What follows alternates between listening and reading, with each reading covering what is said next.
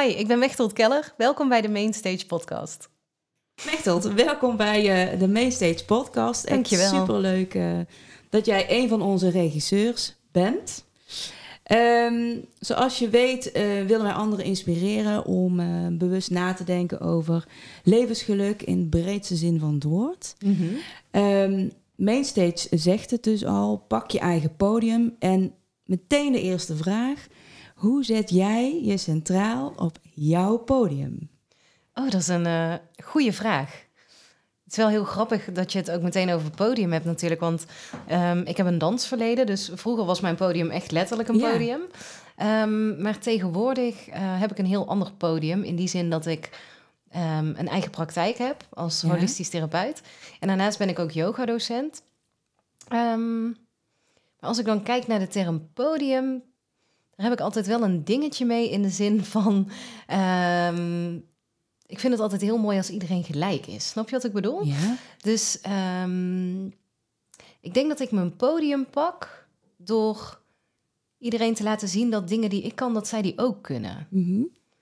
Dus daar waar ik bepaalde stappen heb gemaakt, dat dat helemaal niet zo uniek is. Uh, dat het gewoon meer vanuit doorzettingsvermogen is en vanuit weten dat iedereen iets bijzonders in zich heeft. Ja, ja. Dus ja, ja. Dat is jouw podium. Ja, ik denk ja. het wel. Mooi. Ja, we komen daar straks, dat is echt een tik overigens, daar komen we straks op terug. maar um, we hebben natuurlijk een aantal uh, vragen en we willen heel veel van jou weten. Mm -hmm. Um, dus uh, daar gaan we straks wel uh, wat dieper op in. Want jij gaf net ook aan van, goh, hè, um, uh, podium dat heeft wel meerdere betekenissen voor Ja. je. Um, je hebt ook een eigen praktijk. En jouw eigen praktijk heet Zo Zest. Klopt. Zeg dat goed zo? Ja, helemaal goed. Wat ik echt cool vind, dat je het dus anders schrijft. Even voor de mensen die uh, het misschien nog niet kennen. Hè? Je schrijft gewoon zoals je het hoort, Mhm. Zo Zest, met Z. Maar de O is hoofdletter O.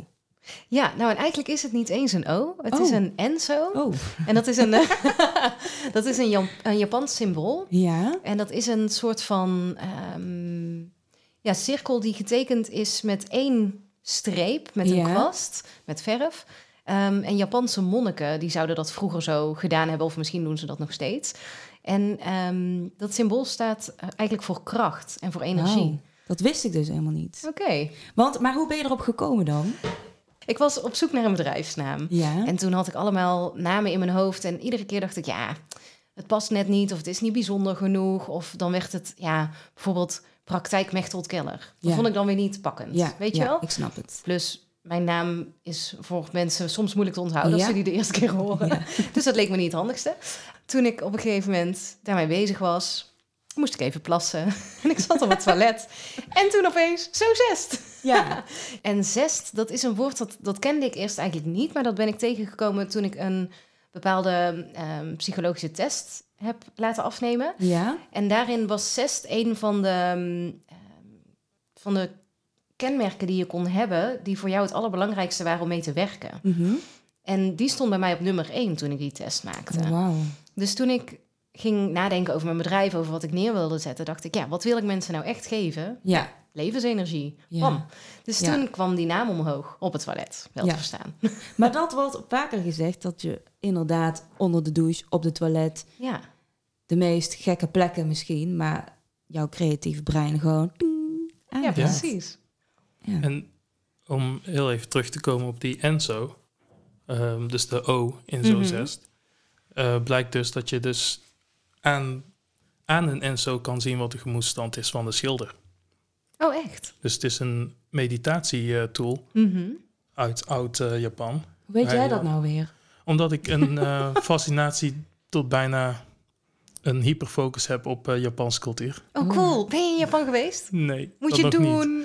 Dat wil ik nog wel eh, graag doen. Maar ehm, ja, dat is, daar werd eh, hoe, hoe wij dan handtekeningen hebben onder Ja. schilderijen en eh, kunstwerken. Ja? eh, kon je dus aan de Enzo zien ehm, in wat voor gemoedstand de schilder zat. Was, het, was hij treurig? Was hij vrolijk? Ehm, ik weet niet hoe je het vooral af kan lezen, maar dat is dus wel meer een tool dan een eh, handtekening. Oh, wat tof. Dat wist Ja. ik helemaal niet. Wat dus heel, heel cool is met de filosofie achter eh zo zest. Ja. Ja? Maar dat is weer even tussendoor. Ga, ga verder. Nee, maar dit is leuk om te Ja, weten. leer ik ook weer iets. Ja. Ja. Oké, en ehm, eens even kijken, want jij... ehm, ja, ik zal het zo zeggen. Wat, wat kunnen mensen bij jou komen halen of, of ehm, van, mogen ze van jou verwachten als ze punt 1 al op je site kijken of Mhm. eh, wat, wat kun je ze brengen? Ehm, ik werk eigenlijk met name met mensen die eh, mentale klachten hebben. eh, die met bepaalde emoties zitten bijvoorbeeld waar ze, ja, die ze geen plekje kunnen geven. Ja, Ehm, maar ook steeds vaker met mensen die juist fysiek iets hebben waarvan ze niet weten hoe het komt. Dus ehm, de medische wereld kan dan ook niet echt vinden waar het vandaan komt. ja, En het mooie is dat het onderbewustzijn precies weet hoe het komt dat bijvoorbeeld een bepaald orgaan niet helemaal wil functioneren. Of ja. Ehm, dat je last hebt van bijvoorbeeld huiduitslag, zulke soort dingen. En ehm, ik werk met mensen met name met hun onderbewustzijn. Mhm. Dat doe ik eh, met hypnotherapie. ja, daar weet ik alles van. ja, ding, ding, ding. Dat hebben jullie als het goed is in de vorige podcast gehoord. En, ehm, en daarnaast gebruik ik ook nog andere methodes. Maar met name met die hypnotherapie kom je echt bij dat onderbewustzijn. Ja, ja. ja. En ehm, inderdaad, wat is dan vaak de vraag van degene die bij jou komt? Is het inderdaad vaak fysieke klachten of zijn dat mentale klachten of is het een mix? Of, Steeds vaker een mix. Eerst Ja? was het vooral, waren het vooral eh, mentale klachten. ja, Ik ben eh, een tijdje geleden zelf ziek geweest rondom mijn bevalling. ja, En sindsdien, toen ik weer aan het werk ging na mijn verlof, eh, kreeg ik opeens meer mensen op mijn pad die juist fysiek ergens tegenaan liepen. Of die ziek zijn geweest en vanuit daar ehm, ja, er toch een bepaald trauma aan hebben Ja. overgehouden. En ehm, ja, dat is wel heel bijzonder dat opeens mensen je dan weten te vinden. ja, Ehm, ja, dat is wel iets wat ik vaker meemaak ook. Dat als je zelf iets mag leren, dat je daar dan anderen ook weer mee mag helpen. ja, ja. En toch even, hè, want eh, zoals ik net ook al zei, ik, ik heb zo'n hypno-sessie bij jou Mhm. eh, laten doen. Dat heeft wel even geduurd, want ik vond dat kei eng. Niet om jou, maar gewoon Mhm. Ja, dat zat gewoon echt tussen mijn oren. En toen heb jij gewoon echt heel fijn uitgelegd van nou, wat het inhoudt. Ja. En eh, dat je ook echt niet bang hoeft te zijn. Ehm, en als je toch het gevoel hebt van joh, dit, dit vind ik niet fijn of hè, wat een rare vraag. Dan ehm, gaat jouw brein automatisch op reageren, waardoor je gewoon daarop reageert. En jezelf beschermt op dat moment, om even zo te zeggen. Klopt. Ehm, maar hoe ben je erop gekomen om, om dat te gaan doen? Ehm, ik heb toegepaste psychologie gestudeerd. Ja. Toen ik afgestudeerd was, toen ben ik ehm, eerst eigenlijk een hele tijd danslessen gaan geven, want ik zat nog steeds ook in dat wereldje. Ja. En eh, ik gaf toen ook fitnesslessen, eh yogalessen. En toen ehm, kwam ik op een gegeven moment bij een bedrijf eh, te werken waar ik niet heel gelukkig was. Mhm. Nou, daar ben ik op een gegeven moment weer weggegaan. En toen ehm, riep echt alles in mij, begin nou eens voor jezelf. Oh, ja. Tijdens mijn studie dacht ik altijd al van... eh, er komt een moment dat ik mijn eigen praktijk heb. Maar ik had altijd het gevoel dat dat dan was als mijn gezin compleet was. En Ja. weet je wel, als je echt volwassen bent, Ja. weet je dat. Ehm, maar toen ehm, ja, merkte ik echt van... Ik word gewoon niet gelukkig van het, het uitleven van iemand anders zijn missie. Mhm. Ja. Dus ik wilde echt mijn eigen ding gaan doen. ja. En eh, er kwamen steeds meer dingen op mijn pad, waardoor dat ook, eh, waardoor die stap minder spannend werd. Waardoor Ja. het gewoon echt voelde van, nou, nu moet het gewoon. Ja. Ehm, toen ben ik met name als coach aan de slag gegaan. En daarnaast ook als yogadocent. Maar als we het dan over mijn praktijk hebben, eh, werkte ik toen vooral als coach. In welke richting dan als coach? Of, ook wel echt persoonlijke ontwikkeling. Ja. Ja. Ehm, en steeds vaker kwamen er mensen bij mij... ehm, ja, die wel wat diepgaandere vragen hadden... waar je met coaching net niet diep genoeg Mhm. voor kon gaan. En toen heb ik nog getwijfeld van... goh, zal ik dan toch weer verder in de psychologie gaan? Maar ehm, ik vind het heel fijn om heel flexibel om te kunnen gaan met sessies. Dus Ja. als iemand bij mij is, dan, dan ben ik altijd... ehm, ja, probeer ik altijd aan te voelen wat iemand nodig heeft. Ja. Ik check het ook altijd wel even. Hè. Ik Ja, eh, probeer ook niks in te vullen natuurlijk. nee. Maar vanuit daar vind ik het dan altijd wel heel mooi als ik ehm, ja, zelf in kan zetten wat ik denk dat nodig is. En dat Mhm. ik geen protocollen hoef te volgen, Ja. bijvoorbeeld. Ja. Dus vandaar dat ik dacht, nee, ik wil het wel echt op mijn manier blijven doen. Mhm. En toen bleef hypnotherapie op mijn pad komen. ja. Echt dat ik ergens liep en dan zag ik weer een boek liggen op een heel random plek. Oh ja. En ehm, ik had er nog niks over opgezocht. En opeens komt het overal in je tijdlijn op Facebook. Weet je wel, dat Ja. je denkt, hmm, Big Brother is watching you. maar ehm, ja, heel bijzonder hoe dat toen ging. En ehm, toen ben ik naar een infoavond geweest van die opleiding. Mhm. En die, diegene bij wie ik ben opgeleid, die vertelde dingen. En daarbij dacht ik, oh, maar dit heb ik al lang meegemaakt. Want ik heb echt momenten gehad dat ik bijvoorbeeld een serie aan het kijken was.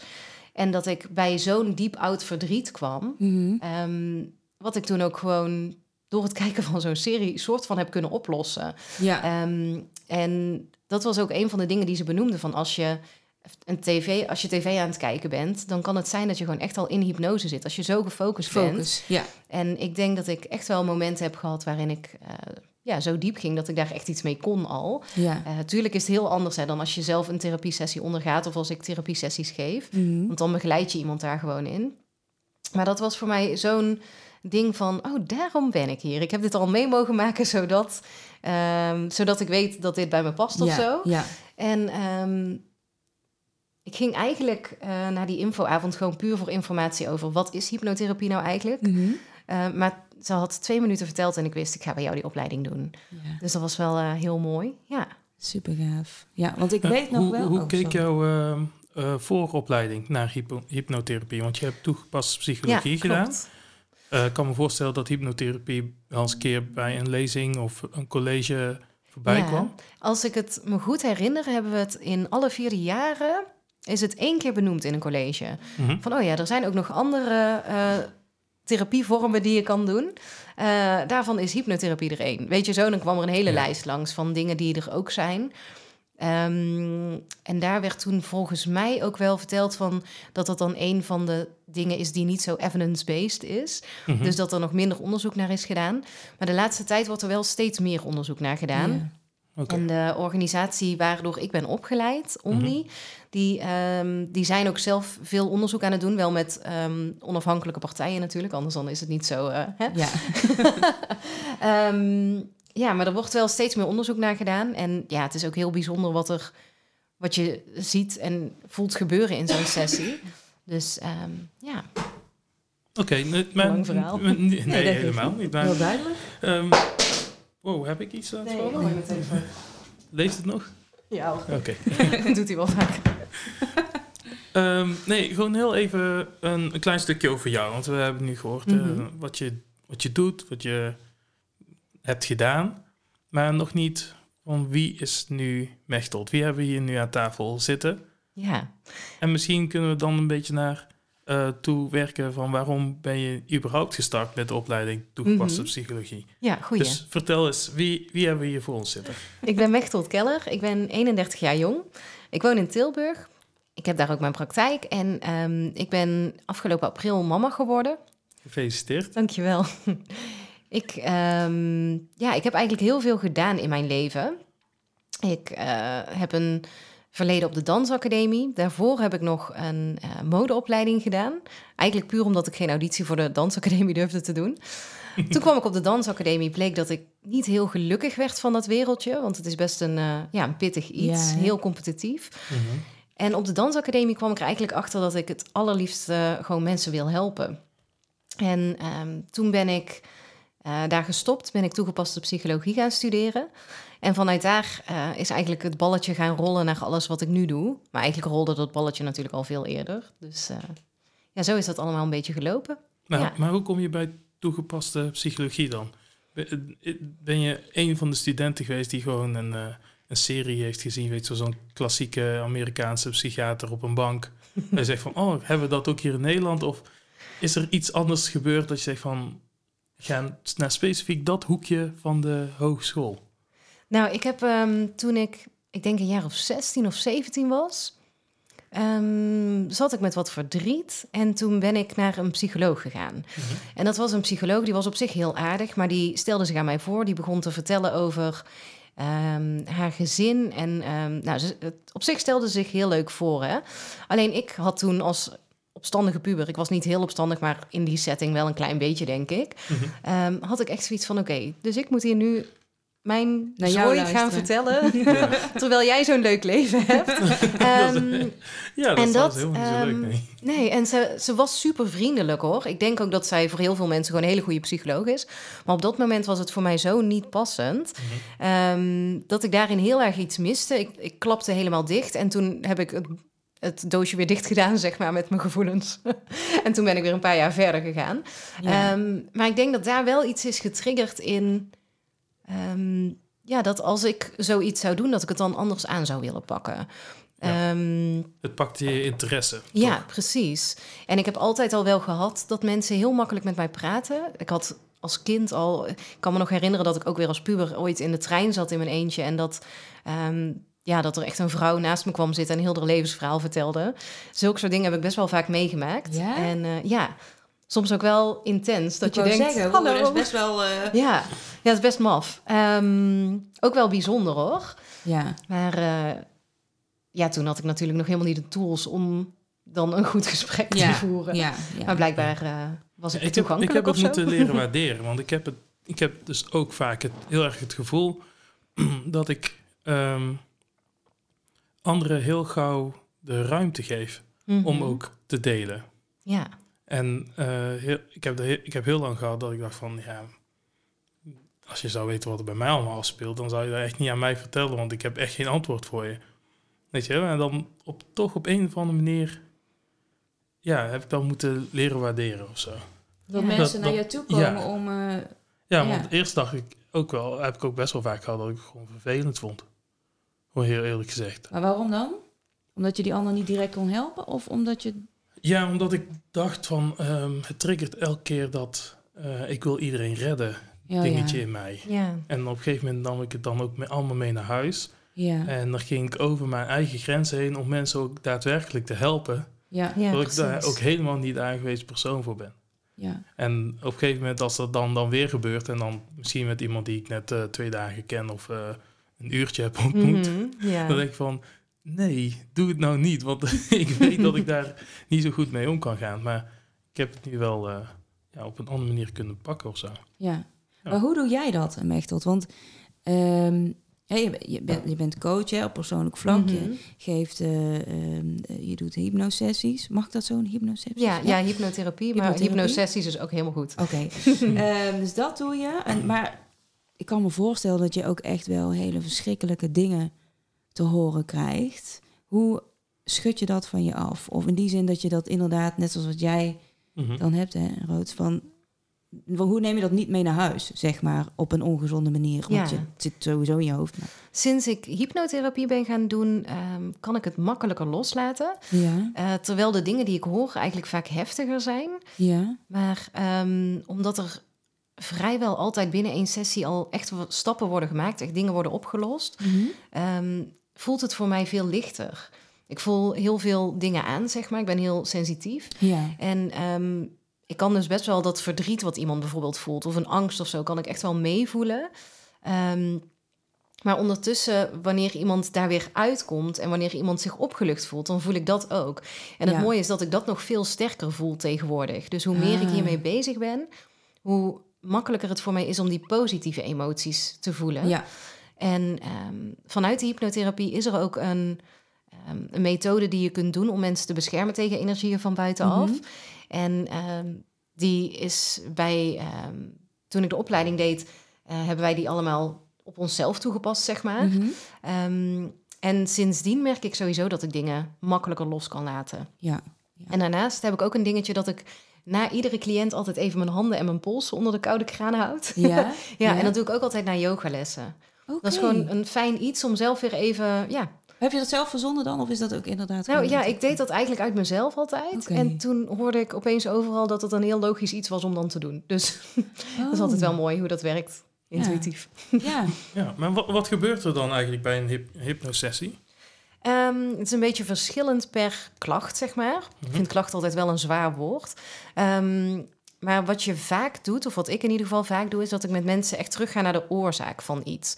Dus stel iemand zit met een bepaalde angst, dan gaan we eerst kijken naar ehm, waar die angst begonnen is. En in je normale denken, dus hoe wij nu met elkaar praten, Mhm.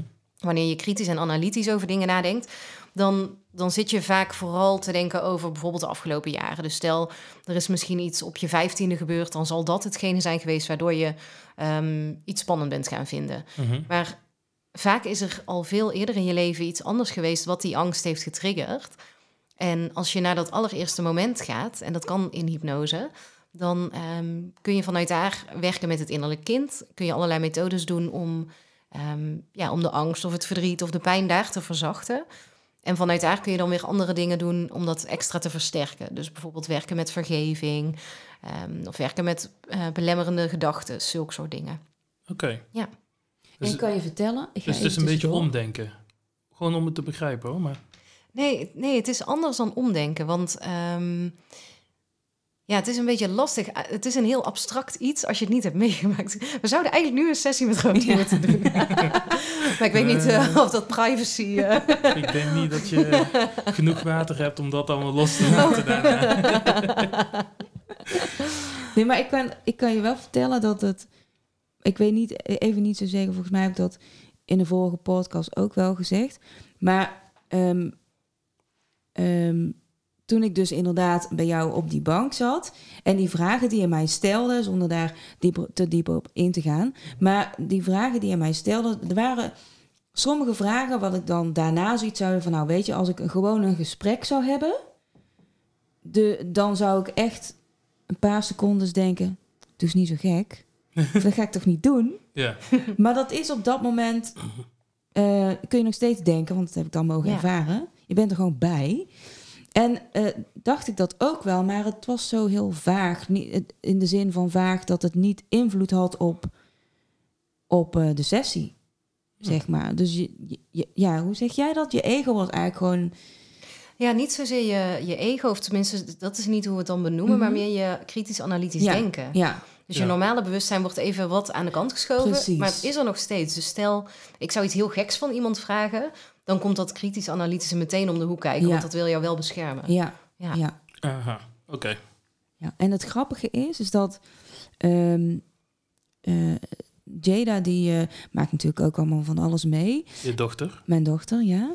En, eh, en die, die komt dan natuurlijk thuis en dat is lekker een kwebberkont. En die, Mhm. die gaat lekker de ervaringen met ons delen. En dan zeg ik ook wel eens tegen haar, niet dat je het moet doen. Maar als je toch een hypnosessie zou doen, dan zou je daar niet eens over nadenken. Dus dan ben je dus... Ik snap nu ook echt, ja, ik heb het zelf dan meegemaakt, maar ook als ik het dan bij anderen zie, en Jada staat natuurlijk heel dicht bij mij, dus Mhm. dan, zou, dan kan ik direct al, zonder het te kunnen, zeg maar, Mhm. kan ik, durf ik gewoon te zeggen van, nou weet je, als je dat zou doen, dan eh, ben je echt al een aantal stappen verder. Ja. Omdat je, ja, dat, want dat belemmert je gewoon. En het is niet per se eh, leven op dood, maar ja, het kan best wel gewoon lastig zijn. Ja. Dus ehm, ja, alleen maar positieve ervaringen eigenlijk. Want ik, ik- echt, ik zweer het, ik was echt scheid. Ja, je was echt een beetje zenuwachtig inderdaad. Ja. Maar het is ook gek, want je weet niet wat je kan verwachten. En ehm, ik weet ook nog wel, eh, ook al had ik heel de uitleg gekregen over wat het inhield om in hypnose te zijn. Toen ik Mhm. de eerste keer in hypnose gebracht werd, toen vond ik het ook eng. En Ja. de grap was ook dat ik zelf echt dacht, dat gaat je echt niet lukken bij mij hoor. ik blijf gewoon bij, echt zo dat. ja. En ehm, ik had dat toen zelf ehm, ervaren bij die infoavond van de opleiding. Toen mochten wij allemaal even aanvoelen hoe hypnose aanvoelt. Mhm. En ehm, ik zat daar voor de groep met mijn gezicht naar de groep toe. En degene die mij op ging leiden later, die eh, bracht mij in hypnose. En eh, daarbij zakte mijn hoofd een beetje naar beneden, want ik zat er gewoon heel ontspannen bij. Ja. En ik moest toen in mezelf nog een beetje lachen of zo, want ik dacht, want er was dus wel gewoon denken aanwezig. Ja. En ik dacht, normaal gesproken zou ik het echt heel naar vinden als ik hier zo zou zitten met drie onderkinnen. Maar het kan Oh, me ja. echt niks Ja. verrekken nu. Drie onderkinnen. Dus dat was wel heel mooi. Dat ik ook wel me toen al realiseerde van... oh ja, je kan gewoon denken. Maar het, het boeit me ook gewoon echt niks Nee. hoe ik er nu bij zit. Want dit is kei fijn. Laat me nog even. Ja, ja, dat Ja. is het inderdaad. Het boeit je gewoon niet. Het- Nee. Het, maakt niet uit. Precies, Ja. ja. Ja, dat... eh, Ja, want dat is het eigenlijk. Je gaat naar een heel ontspannen staat. mhm. En vanuit daar kom je veel makkelijker bij je onderbewustzijn. Ja, ja. En toen was ook wel grappig, nou ga ik het zeggen. toen, toen mijn behandeling er was, zeg maar, toen ging het keihard regenen. Mhm. En dan was, want ik dacht, oh, ik lag daar zo, ik doe het nu naar, want er is geen beeld, maar ik lag daar zo met mijn ogen dicht. En toen dacht ik echt, oh ja, het gaat echt heel hard regenen. Oh ja, maar ik hoor Mechtel nog wel. en uh, Mechtel die deed echt gewoon het best om het er doorheen te praten, want het ik regende echt keihard. steeds harder. Ja. en op een gegeven moment werd het wel wat minder. Maar het is zo grappig dat je zo bij bent. Ja, klopt. Hoe ziet een eh, dag eh, eruit bij Zozest? Ehm, Vertel me de drukste dag. De drukste dag. Ja. Ja, dat is ook een goeie, want het is altijd weer wisselend. Maar eh, mijn maandagen zijn vaak wel drukke dagen. Mhm. Dan heb ik vaak overdag ehm, in de ochtend en in de middag heb ik ehm, sessies staan. Dus of een intake, of een gesprek, of een hypnotherapie sessie. En vaak plan ik die dag dan zo van half tien tot half vijf, zoiets. Dan ga ik mijn dochtertje ophalen bij de kinderopvang. En vervolgens eh, snel thuis eten en even heel erg knuffelen. En dan geef ik s'avonds nog eh, twee yogalessen en een mindfulnessles. Dus mijn maandag is altijd wel een, eh, een lange dag, maar wel een dag die veel voldoening geeft. Mhm. En ehm, ja, eigenlijk zijn al mijn dagen in de week weer heel anders. Dus dat is ook wel lekker. En ik kan het natuurlijk ook wel zelf indelen. Tenminste, de uren in mijn praktijk. Dus dat is ook fijn dat ik af en toe eens kan denken van... nou, ik eh, heb interesse in eh, ergens een middagje bijscholing. Dan kan ik mezelf gewoon even vrijgeven voor die middag. Ja, precies. en dan, eh, ja, hou je jezelf lekker scherp. Ja. maar, maar een hypnosessie is anders dan een mindfulness sessie, les. Nou, mindfulness is... eh, de grap, het is wel mooi dat je dat vraagt. Want eigenlijk is het heel erg hetzelfde. Mindfulness is niets anders dan het heel erg focussen op het huidige moment. Hè? Het- Eigenlijk een soort van eenpuntige focus. Maar ehm, ja, focus is ook precies wat je met mindfulness... of eh, met hypnotherapie doet. Ja. En ehm, ja, yoga kwam al een paar keer eh, Mhm. eh, naar voren. Ehm, wat betekent yoga voor jou? Oeh, dat is een goeie. Ehm, jij vraagt het en nu denk ik... volgens mij heb je mijn scriptie gelezen, of niet? Ja, maar dat is wel een tijdje geleden. Oh ja, ja. Want dat was voordat ik de yogaopleiding Mhm. deed. Oh ja. En toen dacht ik, oh Mechtelt, ja, die ken ik. Ik ga de scriptie Ja, lezen. precies. nou, ik heb... ehm, yoga heeft op mij een heel positieve invloed gehad Mhm. en nog steeds. Ehm, ik had vanuit dat dansverleden heel erg eh, het gevoel... als ik iets fysieks deed, dat het perfect moest zijn. Mhm. Dus eh, perfect gestrekte voeten, eh, een... Dat is echt typisch, hè? Want dat Ja. hebben alle dansers Ja. eigenlijk, hè? Want Ja. in mijn klasje, zeg maar, zit ook een danseres. Die heeft klopt. dat ook. Ja. Ja. ja, dat is best een dingetje soms ook, om weer los te laten. Ja. Ja, en ehm, voor mij was het heel fijn om er bij yoga achter te komen... dat dat allemaal niet zo hoeft. Mhm. Maar de grap is, toen ik zelf met mijn yogadocentenopleiding startte jaren geleden, dat mijn vraag bij, ja, bij dat intakegesprek zeg maar was van, eh, maar wat nou als ik niet alle houdingen zelf kan? Oh, ja.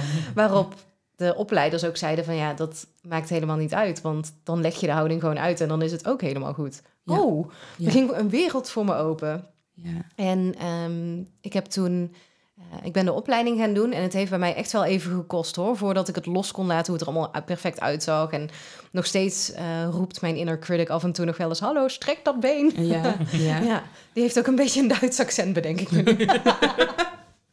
Zonder eh, speciale reden of zo. Ja, geen idee. Ja. Ehm, maar dat is wel een, eh, een heel fijn iets, dat ik dat veel meer los heb kunnen laten. Dat ik nu veel meer op gevoel ook kan doen. Ja.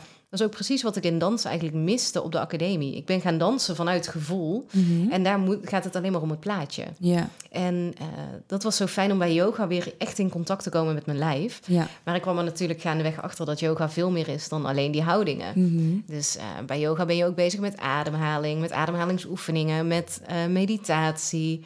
Weet je, eigenlijk gewoon met van alles. En het was voor mij echt een, een soort van nieuwe wereld. Maar ondertussen was het ook een thuiskomen van. Ja. Omdat ik dacht, dit ken ik of zo? Ja, het klopt. Het klopt, ja. Oh, ja, dat. ja. Dus ehm, ja. Vaak, vaak wordt nog gedacht dat eh, yoga hetzelfde is als meditatie. ja, eigenlijk in de basis is dat ook. Want ehm, als je de yoga sutras erop naslaat, dat zijn echte yoga filosofieën, Mhm. dan ehm, gaat het eigenlijk vooral om meditatie. Daar staat geen houding in beschreven. Nee. Dus dat is wel een bijzonder iets. Ehm, en yoga gaat eigenlijk, het doen van de houdingen gaat eigenlijk over het klaarmaken voor het zitten in meditatie zit. Oh, het is gewoon een rek- en strek oefening eigenlijk. Ja, ja, wel ook met een stukje bewustzijn erbij. Ja, nee, maar dat nou Oké, dan- dat gezicht van jou net was echt priceless. Ja, dat was echt mooi. Ja, nee, het was echt gewoon een linkje. Gewoon dat ik van, oh, dus je bent eigenlijk gewoon jezelf aan het voorbereiden om Ja, eh, urenlang te zitten. Ja. Dan snap ik niet waarom die oefeningen zo lastig zijn. Nou ja, daar worden ook verschillende dingen over gedacht en zo. Ja. Ehm, ik ben ook niet per se een voorstander van die allermoeilijkste houdingen. Want dan denk ik, ja, is dat dan omdat dat zo gezond is voor je lijf? Of is dat een stukje ego misschien? Oh, Ja, en, en als je, ik denk ook echt, als je zo hard gaat proberen om die ene houding slash asana te doen, Mhm. ja, is dat ook niet per se goed. Want het gaat inderdaad Mhm. niet per se om... Gaat het doel voorbij? Ja, ja Soms. nou ja, je, je moet niet... eh, of moet...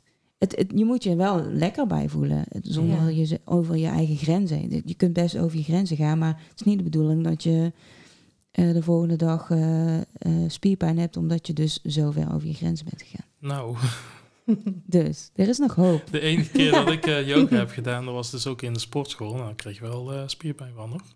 Ja, maar je hebt ook heel verschillende lastig. yoga-vormen trouwens. Want ja, klopt. Daar kreeg ik laatst ook zo'n, ehm was grappig. Er was zo'n eh, training en dan zie je ook gewoon eh, klanten die zijn er dan ook bij.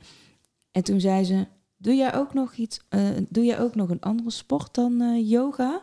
Oh ja, Of sport. zoiets. En toen, ik dacht, toen dacht ik, oké, je kunt hier heel fel op ingaan. of je kunt zeggen, van yoga kun je ook echt wel goed zweten hoor.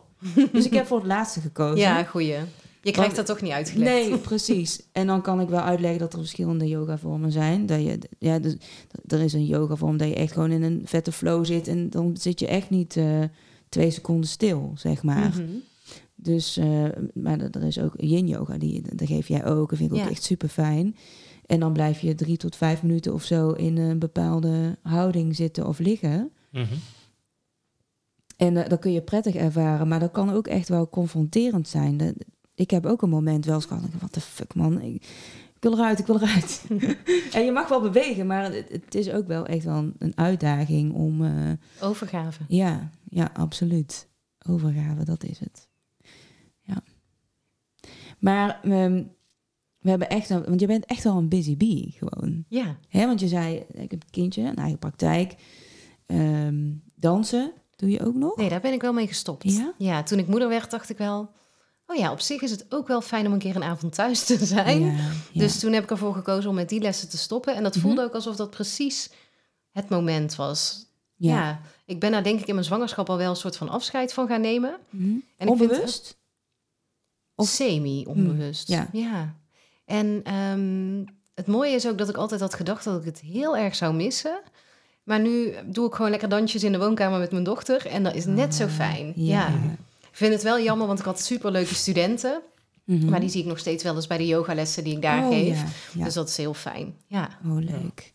Want ik, ik vraag me dan ook wel weer af. Mhm. Ehm, je bent moeder geworden ook pas. Je hebt een eigen praktijk. En dan heb je ook nog jezelf. Hè? Je, bent, je hebt een partner. Mhm. Dus Ik hoe- wil net zeggen, waar blijft... eh, Ja, ja, ja, ja. de mannen zijn er ook nog, hoor. En de busy Absoluut. vrouwelijke Ja, onafhankelijke daarom. leven. Dus je bent, eh, je bent onderneemster, je bent een vrouw, je bent partner, je bent moeder, je bent eh, eh, docent. Mhm. Maar hoe zorg jij nou... Onderneemster. Ja, die zijn, dat is Oh ja, entrepreneurship. Maar hoe zorg jij voor die balans? Een stukje me-time en dat iedereen, maar vooral jij, happy Mhm. peppy is. Nou, de dingen die ik doe, die vind ik allemaal heel fijn. Dus dat, dat scheelt denk ik wel heel erg. Ehm, dus als ik bijvoorbeeld geen yogalessen zou geven, dan zou ik zelf in een yogales zitten. Weet je? Ja. Of zitten, meedoen. Ja, Ehm, dus dat scheelt heel veel. Het is natuurlijk wel zo dat lesgeven anders is dan meedoen in een Mhm. les. ja. Ehm, maar toch haal ik daar heel veel energie uit, eigenlijk uit alles wat ik doe. En ehm, daarnaast zorg ik ervoor dat ik echt wel mijn vrije momentjes pak. En dan ga ik Mhm. lekker knuffelen met mijn dochter, fijne dingen doen met mijn partner. Ehm, ik vind het ook echt heerlijk om gewoon een stukje te gaan wandelen of even in bad te gaan, een boek te Ja, lezen, zulke ja. soort dingen.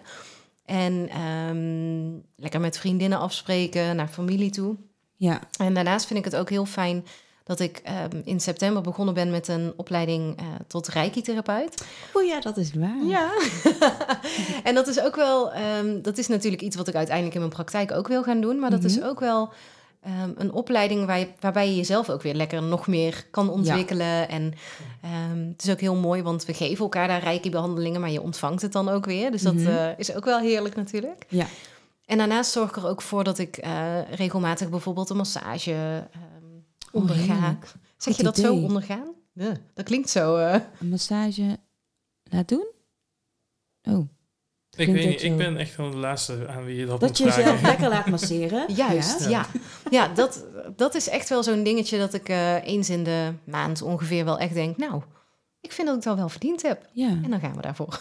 goeie. Ja. En wat voor massage is het dan? Ik vind een Thaise massage heel fijn. Ja, vind ik ook heel fijn. Ehm, vind ik wel iets spannender sinds de zwangerschap, want ze trekken je daar wel echt uit elkaar af en ja, toe. Ja. Dus ze zijn nu ook wel voorzichtiger met me hoor, want het eerste jaar mogen ze ook niet helemaal los, geloof ik. Oh. Ja, ja, dat is wel een dingetje.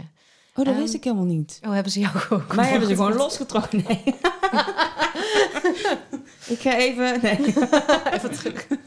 Ehm, en ik ga ook eh, met enige regelmaat naar iemand die energetische massages geeft. Ja. En dat is echt heel fijn. Dat is heel anders dan Thais. Want Thais dan, nou, dan gaan ze gewoon op je Ja. staan en zo. Hè? Je Met de kent het. knieën en alles. Ja. Precies, ja. Maar bij die energetische massages is het allemaal heel zacht en zo. Maar je, ja, je voelt van alles stromen. ja. Dus dat, eh, ik denk dat dat me ook wel heeft aangezet om daarmee meer aan de slag te willen gaan. En dat ik daardoor die Reiki-opleiding ben gaan doen. Ja. Ja, mooi. Dat wil ik ook een keer laten doen. ja moet je doen. Energetische behandeling. Ja. Oh, massage. ja. Ik heb nog nooit een massage gehad, ever. Behalve-. Nee, ik zweer het. Dit Het meen is- je het- niet. nee, echt nooit. Gewoon nooit. Ja, wel eens een keer omdat ik mijn kuit had... vers- Ja, maar dat is dan zo'n ding bij de fysio, met- of ja, niet? met, nee, gewoon bij dansen en dan naast Ah. de dansvloer. Rodi, we hebben je nodig op de eerste rij, dus eh, even warm maken.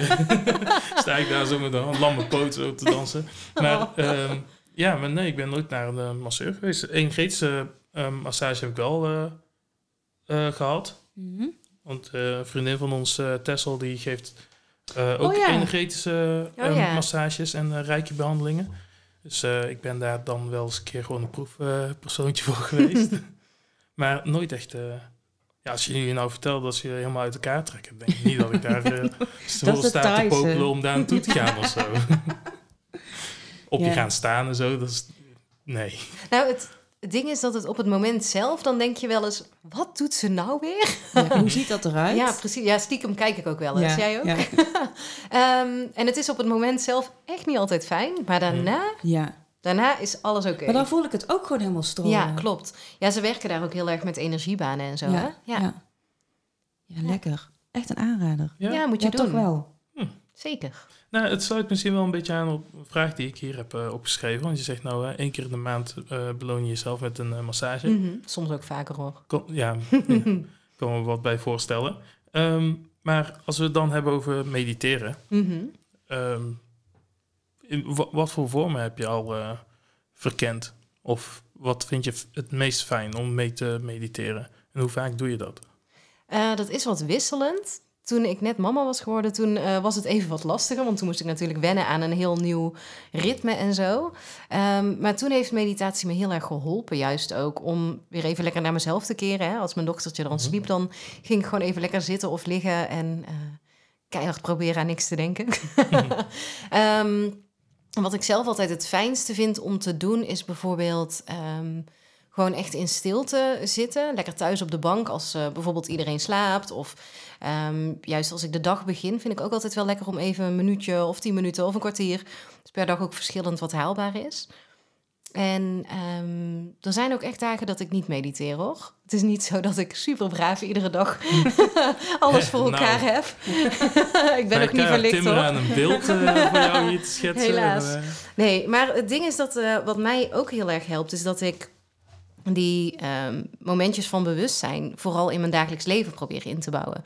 Dus het is niet zo dat ik iedere dag eh die hard aan het mediteren ben. Ik probeer het wel iedere dag even te doen hoor, zeker. Maar ehm, ik probeer vooral ehm, in het moment te zijn. Dus als ik bijvoorbeeld met mijn dochtertje speel, dat ik echt haar in haar ogen aankijk en niet afgeleid ben door de dingen om ons heen. En eh, ook in gesprekken met mensen, met eten ook, dat ik eh, echt probeer gewoon op te letten op wat ik eet Wat en goed. gewoon daarvan te genieten. Ja, het lukt niet altijd hoor, want soms dan heb je de hap al doorgeslikt en dan Ja. eh, Ja. is hij weg. Ja. Maar nou, we hebben zo dadelijk nog wel Ja. meer vragen over eh, eten. oké, Dus eh, dat was ook wel een, denk ik Ah. een thema. Ik speak even Oh ja, bij, daar ga ik die nu even in Nee? verzinnen. Nee, Stond het er grapje. niet op? Oké. Nee, maar we hebben inderdaad wel ehm, nog wat eh, vragen die we eh, in iedere podcast eh, willen terug laten komen. Mhm. Eh, en dat is eigenlijk ontstaan. Ehm, ik was vroeger eh, ehm, ja, al vrij snel bezig al- ja, aan, aan het zingen, zeg maar, met een microfoontje en Mhm. muziek. En, eh, ehm, dus je- ik weet niet of dat ook nog in jouw tijd was, zo'n My First Sony eh, opneemding. Zo'n rood, kleurig. Was dat zo'n speelgoed, eh Ja, speelgoedcassette maar ook best wel deck met een microfoon eraan? Ja, Ik, ken die wel, maar ik mocht die denk ik niet. Ik mocht die ook niet. Ik denk dat Oh. ik de Plo- Playmobil-achtige versie heb gehad. Ja, ik ook. Ik had zo'n galmmicrofoon. Weet je dan wat ik oh bedoel? ja, zo'n echo-ding. Ja, die was fantastisch. Ik had die roze met gele. Ik ook. Ja, ik had gewoon blauw met geel. Dus Oh. eh, ik kan wel meedoen, maar ik ging niet aan de roze, nee. Maar ging jij dan rappen in die, in die echo, eh, Mike?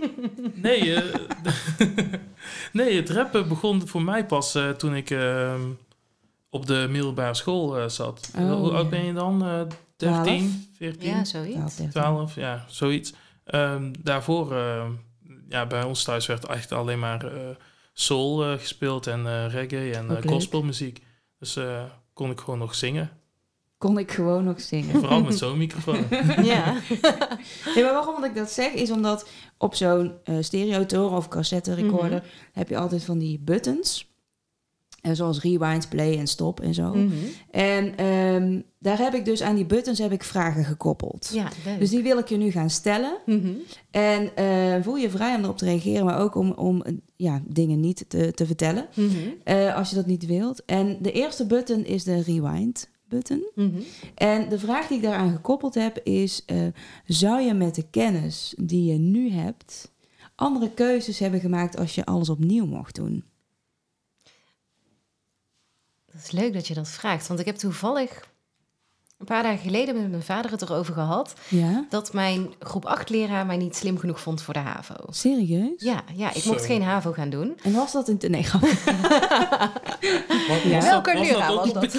Want ik heb eh, ook zo'n... eh, nee, nee, ik heb ergens anders, eh, ik ben ergens anders opgegroeid. Ehm, Oké, dat klinkt spannend. Daar komen we nog op terug.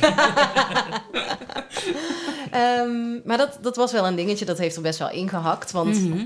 eigenlijk deed ik het best prima op school. Dus het was heel... Mijn vader stond er ook echt van te kijken. Maar goed, ehm, dat heeft ertoe geleid dat ik eh, VMBO ben gaan doen. Toen eh, dan die MBO-modeopleiding. Mhm. En daarna ben ik dan pas het danswereldje ingegaan. En ik heb altijd gedacht van... oh ja, maar als ik HAVO had kunnen doen... Mhm. dan was het al makkelijker geweest om naar de dansacademie te gaan. Dan had ik ook niet eerst MBO-dans hoeven doen. Ja. Ehm, en ehm, ik heb altijd gedacht dat dat mijn leven een beetje tegen had gehouden, als het ware. Mhm. Maar van de andere kant vraag ik me af of als ik ehm, in een andere schoolsetting was geweest, ehm, of ik dan wel de creatieve mij was geworden. Ja. Want eh, ik verveelde me stierlijk op het. VMBO, omdat ik, ja, het was heel Ja, makkelijk je eigenlijk zat voor je neus me. te eten. Precies, van- ja. Ja.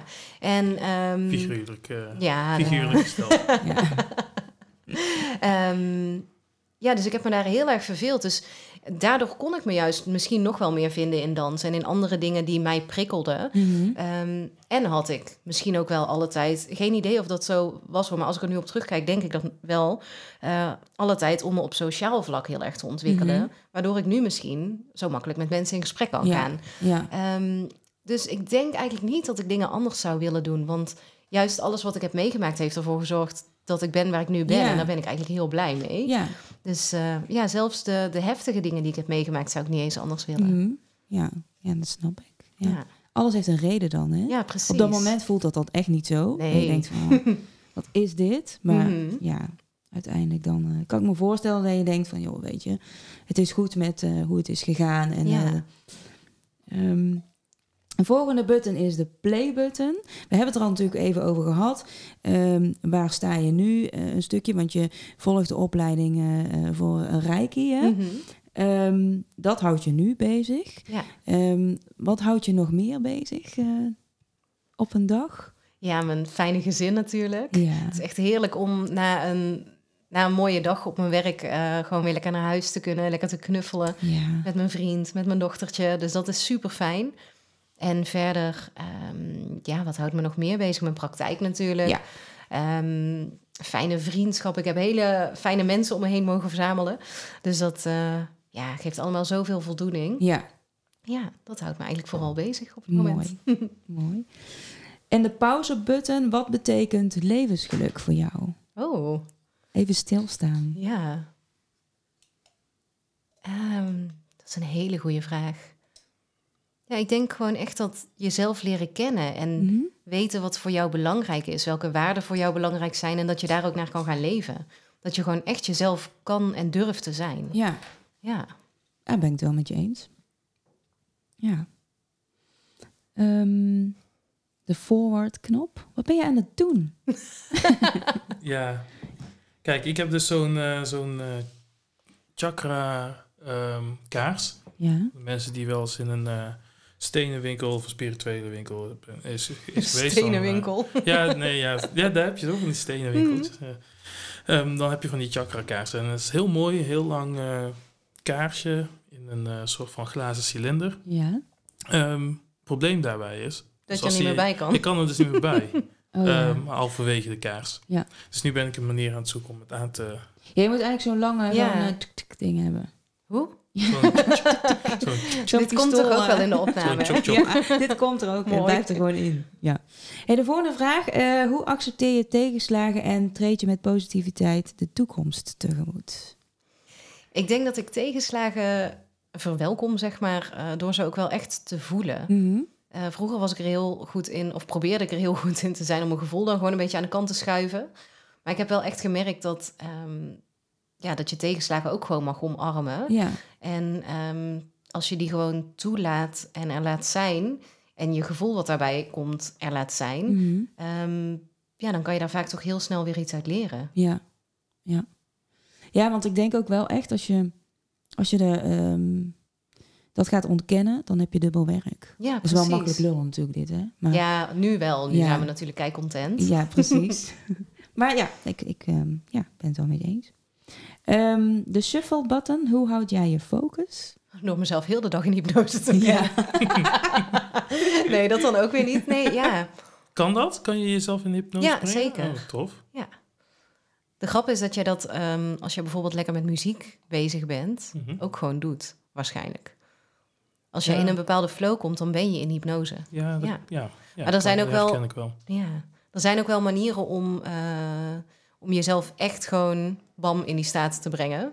Maar dat, eh, ja, dat is een beetje lang om uit te leggen. Ja, ja, ja, ja. ja. ja, ik was laatst ook naar een, ehm, een bijeenkomst geweest van eh, Roy Martina. En eh, hij heeft het ook over hypnose en quantum jumping. En dat is ook weer een hele Oh, andere ja. Mhm.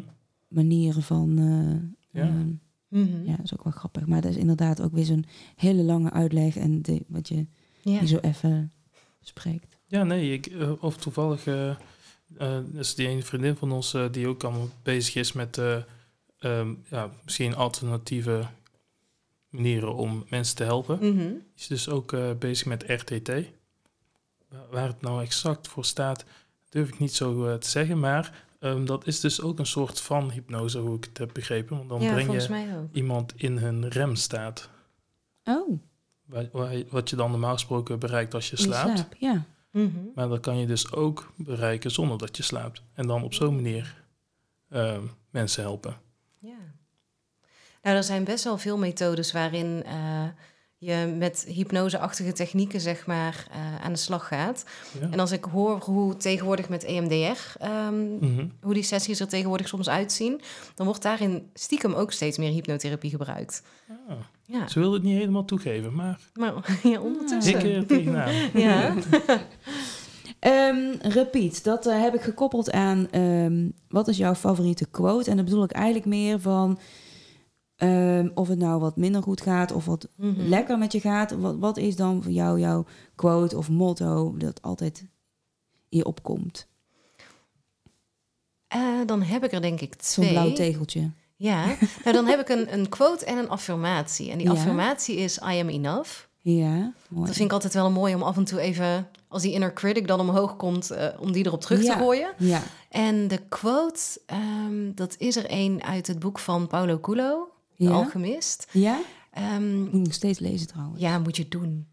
Eh, ik moet alleen even denken hoe die ook alweer precies gaat. Maar dat gaat erover dat je, als je iets echt wilt, Mhm. dat het universum dan alles in werking zet, zodat het ook op je pad komt of zo. Oh ja. Ja, en dat vind ik ook altijd een hele fijne als je dan zo'n tegenslag hebt, hè, om dan Ja. te denken van oké, maar als ik ehm, vanuit goede intenties en alles in het leven blijf staan en Mhm. als ik op een pure manier dingen aanpak, dan komt het toch goed. Goed. Ja. Ja. Op wat voor manier dan ook. Ja. Ja, dus dat helpt mij altijd wel. ja, mooi.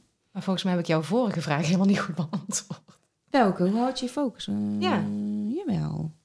Ja, jezelf onder Ja. hypnose Ja, stellen. maar dat doe ik helemaal niet heel de dag. Nee, maar, maar ik denk dat dat wel... Het is sowieso een onderdeel van jouw leven... in combinatie Ja. met meditatie, wat je eerder ook aangaf. ja, hè? precies. Ja. Ja. Nou, en dan hebben we de stopknop. Hoe blijf je jezelf ontwikkelen? Ja, lekker door bijscholingen te blijven doen, door eh, documentaires te kijken, door met mensen te praten. Eigenlijk van iedere cliënt bijvoorbeeld leer ik weer, van iedere ehm, groep eh, yogis leer ik. Dus dat is echt super fijn dat, ehm, dat ik in een heel prikkelrijke omgeving, of prikkelrijke omgevingen mag werken, maar prikkels op een fijne manier. Dus niet dat je er overprikkeld van raakt, maar gewoon van iedereen kan blijven leren. Ja, ja. ja, mooi. Ik, ik heb nog wel wat vragen over eh, muziek. En dat vind ik vooral leuk, omdat jij natuurlijk ook van muziek houdt. Want je, Mhm. hebt- je hebt heel veel gedanst. Ehm, naar welke songs luisterde jij eh, vroeger naar en waarom? Ja, natuurlijk naar Usher en zo. Oh ja, yes. Die heb ik nog steeds wel eens opstaan in de auto en dan zitten confessions mee te... Oh ja, oh, dat vond Ja? ik ook zo'n gouden Heerlijk, plaat. ja. Ehm, ja, waarom? Waarom luisterde ik daar vroeger naar? Vond gewoon heel lekkere muziek, denk ik. ja. Ja, In de dans, waarschijnlijk. ook. ja. Ik wou zeggen, want daar heb je ook echt dans op verzonden dan. Dat was ook echt jouw Ja. muziek om... eh, Nou, als ik zo terugdenk, ik kan me nog heel goed herinneren, dat is heel andere muziek, maar dat ik in groep 8 op allemaal liedjes van Toybox choreografietjes had gemaakt. Ja. En toen heb ik ook echt bij een, eh, een fuif van een klasgenootje, ja. heb ik een ehm, heb ik van Toybox een single gewonnen omdat ik het beste dansje had. Oh yes. Dus dat is altijd zo'n ding wat dan weer omhoog komt. Ja, ja. ja, Ja. leuk. Ja. Ook leuk wat de muziek dan ook, eh, wat voor herinneringen dan naar Ja, absoluut. brengen, hè? Ja.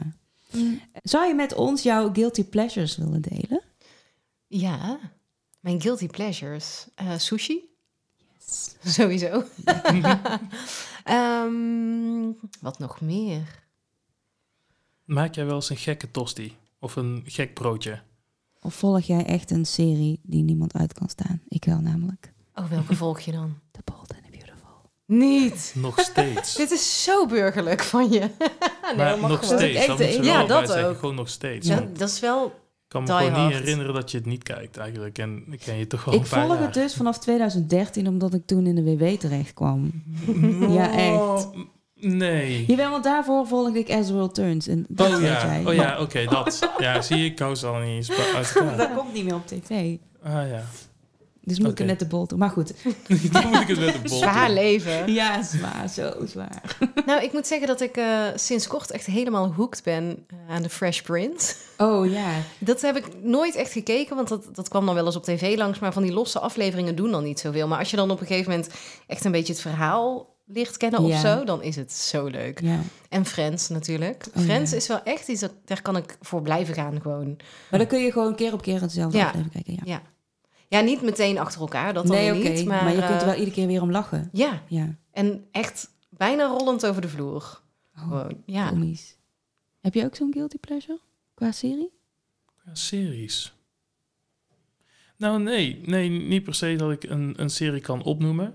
Ehm, maar ik ben niet vies van eh, series die wat meer op meisjes gericht zijn, eigenlijk, qua doelgroep. Zoals? Dus een, een Vampire Diaries, oh, Oh, ja, Pretty heerlijk. Little Liars, eh Unsatiable. eh, Leuk. ja, dat dat, kijk helemaal ik niet. gewoon eigenlijk. En dat is dan niet per se dat, het, dat ik mezelf identificeer met eh, de pro- protagonist of eh, wat dan ook. Maar ik weet niet, ik, eh, dan kan ik gewoon mijn gedachten op nul zetten en eh, er gebeurt van alles. Dan denk ik, ja, cool. Als ik, ja, Ja, als ik dan dus echt in eh, hypnose. in, in hypnose. Ja. Nou ja, en eh, bijvoorbeeld is er nou weer zo'n, ja, ze noemen het tiener, eh, ze noemen het tienerseries. Ja. Maar dat is dan vooral gericht op tienermeiden als hoofddoelgroep. Maar ik, ik kijk gewoon. Netflix is helemaal toch? door de war. Ik denk van, ja er toch een man van 30 op dit adres. Maar al die tienerseries bekijken ze.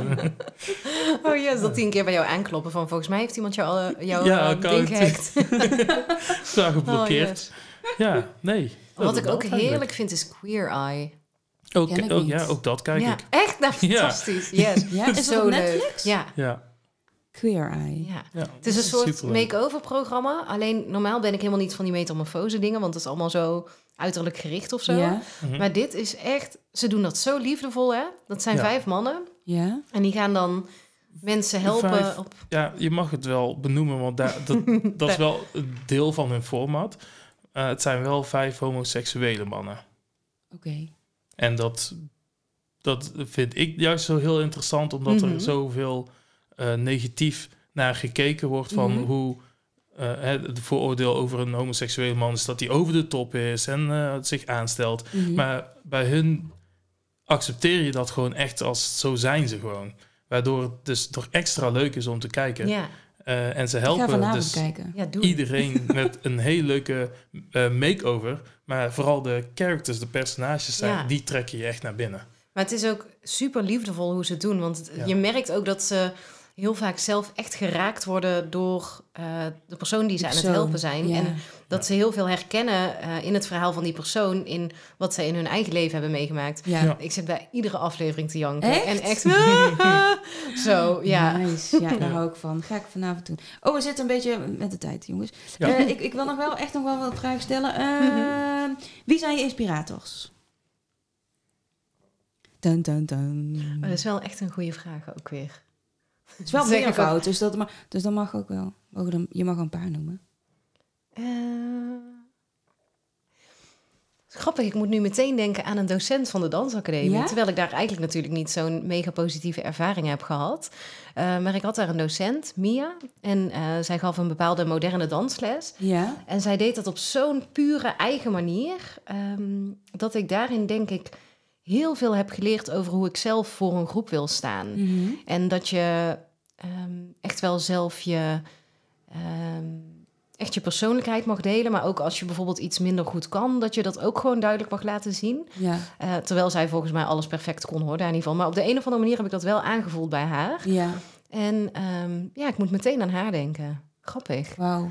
Dus zij bevestigde eigenlijk ook wel voor jou dat iedereen uniek is. En dat je Ja, mag gewoon zijn wie je bent. Ja. Ja. en ook al was ik in haar les eigenlijk de allerslechtste, omdat mijn lichaam gewoon precies niet kon wat we daar moesten doen, Mhm. zag zij wel iets in mij. Dus dat triggerde misschien ook wel weer iets van Ja. een... eh, ja. Maar dat, eh, ja, leuk dat ik opeens aan haar moet denken. Ja, grappig. Ja, en verder heb ik eigenlijk heel veel mensen die me inspireren. En het mooie is dat dat vooral ook heel veel mensen zijn die dicht bij me staan. Bepaalde vrienden en Mhm. mijn partner, weet je. Dat, dus dat is wel heel mooi ook om het te realiseren. Dat, dat het allemaal zo lekker dicht bij huis... Ja, eh, ja, maar dat is ja. mooi. Want vaak hoef je eigenlijk ook niet heel ver te kijken of ja, zo diep na te denken. En is Mhm. het veel, is, ligt het eigenlijk onder je neus, maar zie je het niet. zeg ja, maar, precies. Ja. hè? Ja. Ehm, ja, wat, wat we ook willen doen is, ehm, degene die, die bij ons te gast is, willen we ook altijd even tijd geven voor ongegeneerde reclame. en ehm, je, hoeft nu, je hoeft nu niet heel zo'n talk te doen. Mhm. Maar ehm, zou je hier het over kwijt willen in de zin van... eh, want we zitten al tegen het eind aan van de, van de Mhm. podcast, of al. We hebben echt wel lekker gekletst. Maar ehm, wat wil je, wat bij de luisteraar blijft hangen... van wat we nu allemaal hebben besproken. En ehm, ja, dat als, als, als, als we zeggen van... joh, weet je, we hebben Mechtelt gesproken... ehm, en heeft eigen praktijk. En eh, wat, wil, wat wil je dat mensen gaan onthouden? Eigenlijk vooral ehm, ja, dat ze altijd welkom bij me zijn als ze aan zichzelf willen werken, op wat voor manier dan ook. Hè. Mhm. Dus ehm, op eh, persoonlijk vlak, professioneel vlak is ook hartstikke mogelijk. En ehm, ik vind het vooral belangrijk dat mensen weten dat, eh, dat ik hen op een duurzame manier verder wil helpen. Dat Ja. heb ik geloof ik ook nog niet benoemd. Maar Vind ik mooi wat je zegt. ja, ik vind het heel fijn om ehm, mensen snel te helpen, maar dan op een manier dat het ook pakt. Weet Ja. je, dat ze er ook echt mee verder kunnen. Ja, Dus je zult bij mij ook niet eh, vastzitten aan jaarlijks iedere vrijdagmiddag, eh, nee. weet je, maar dat, ehm, ja, dat mensen, ik, ik help hen graag op weg en dat ze het dan zelf weer kunnen. Ja, Ja. Dus dat is denk ik eh, een belangrijk iets ja. Voor Nou, dat kan ik, ook wel, kan ik ook wel echt bevestigen. Want toen ik die eh, de hypnosessie bij jou had, toen Mhm. dacht ik ook echt... Oh, heb ik dan een, eh, een eh, hashtag 2 nodig? Weet je wel? En toen Mhm. zei je ook zo van... Nee joh, weet je, eh, kijk gewoon even hoe je je voelt. En- Ja, maar het voelt ook echt zo oprecht zo... dat, ehm, dat er hangt geen commercie aan of zo. Mhm. Weet je wel? Het is echt zo van, nou, weet je, doe het gewoon lekker op gevoel. En bel me als je vragen hebt. En, Ja. eh, dus dat komt ook, eh, tenminste bij mij kwam het ook wel eh, echt zo over. Ehm, en als allerlaatste, ehm, wat is jouw tip voor de luisteraar die ook zijn of haar podium wil pakken? Ben vooral jezelf. Wees jezelf. En als je nog niet zo goed weet eh, wie je dan echt bent, dan ga dat onderzoeken. Want eh, je bent hartstikke waardevol en je bent goed genoeg om te doen wat je wil doen.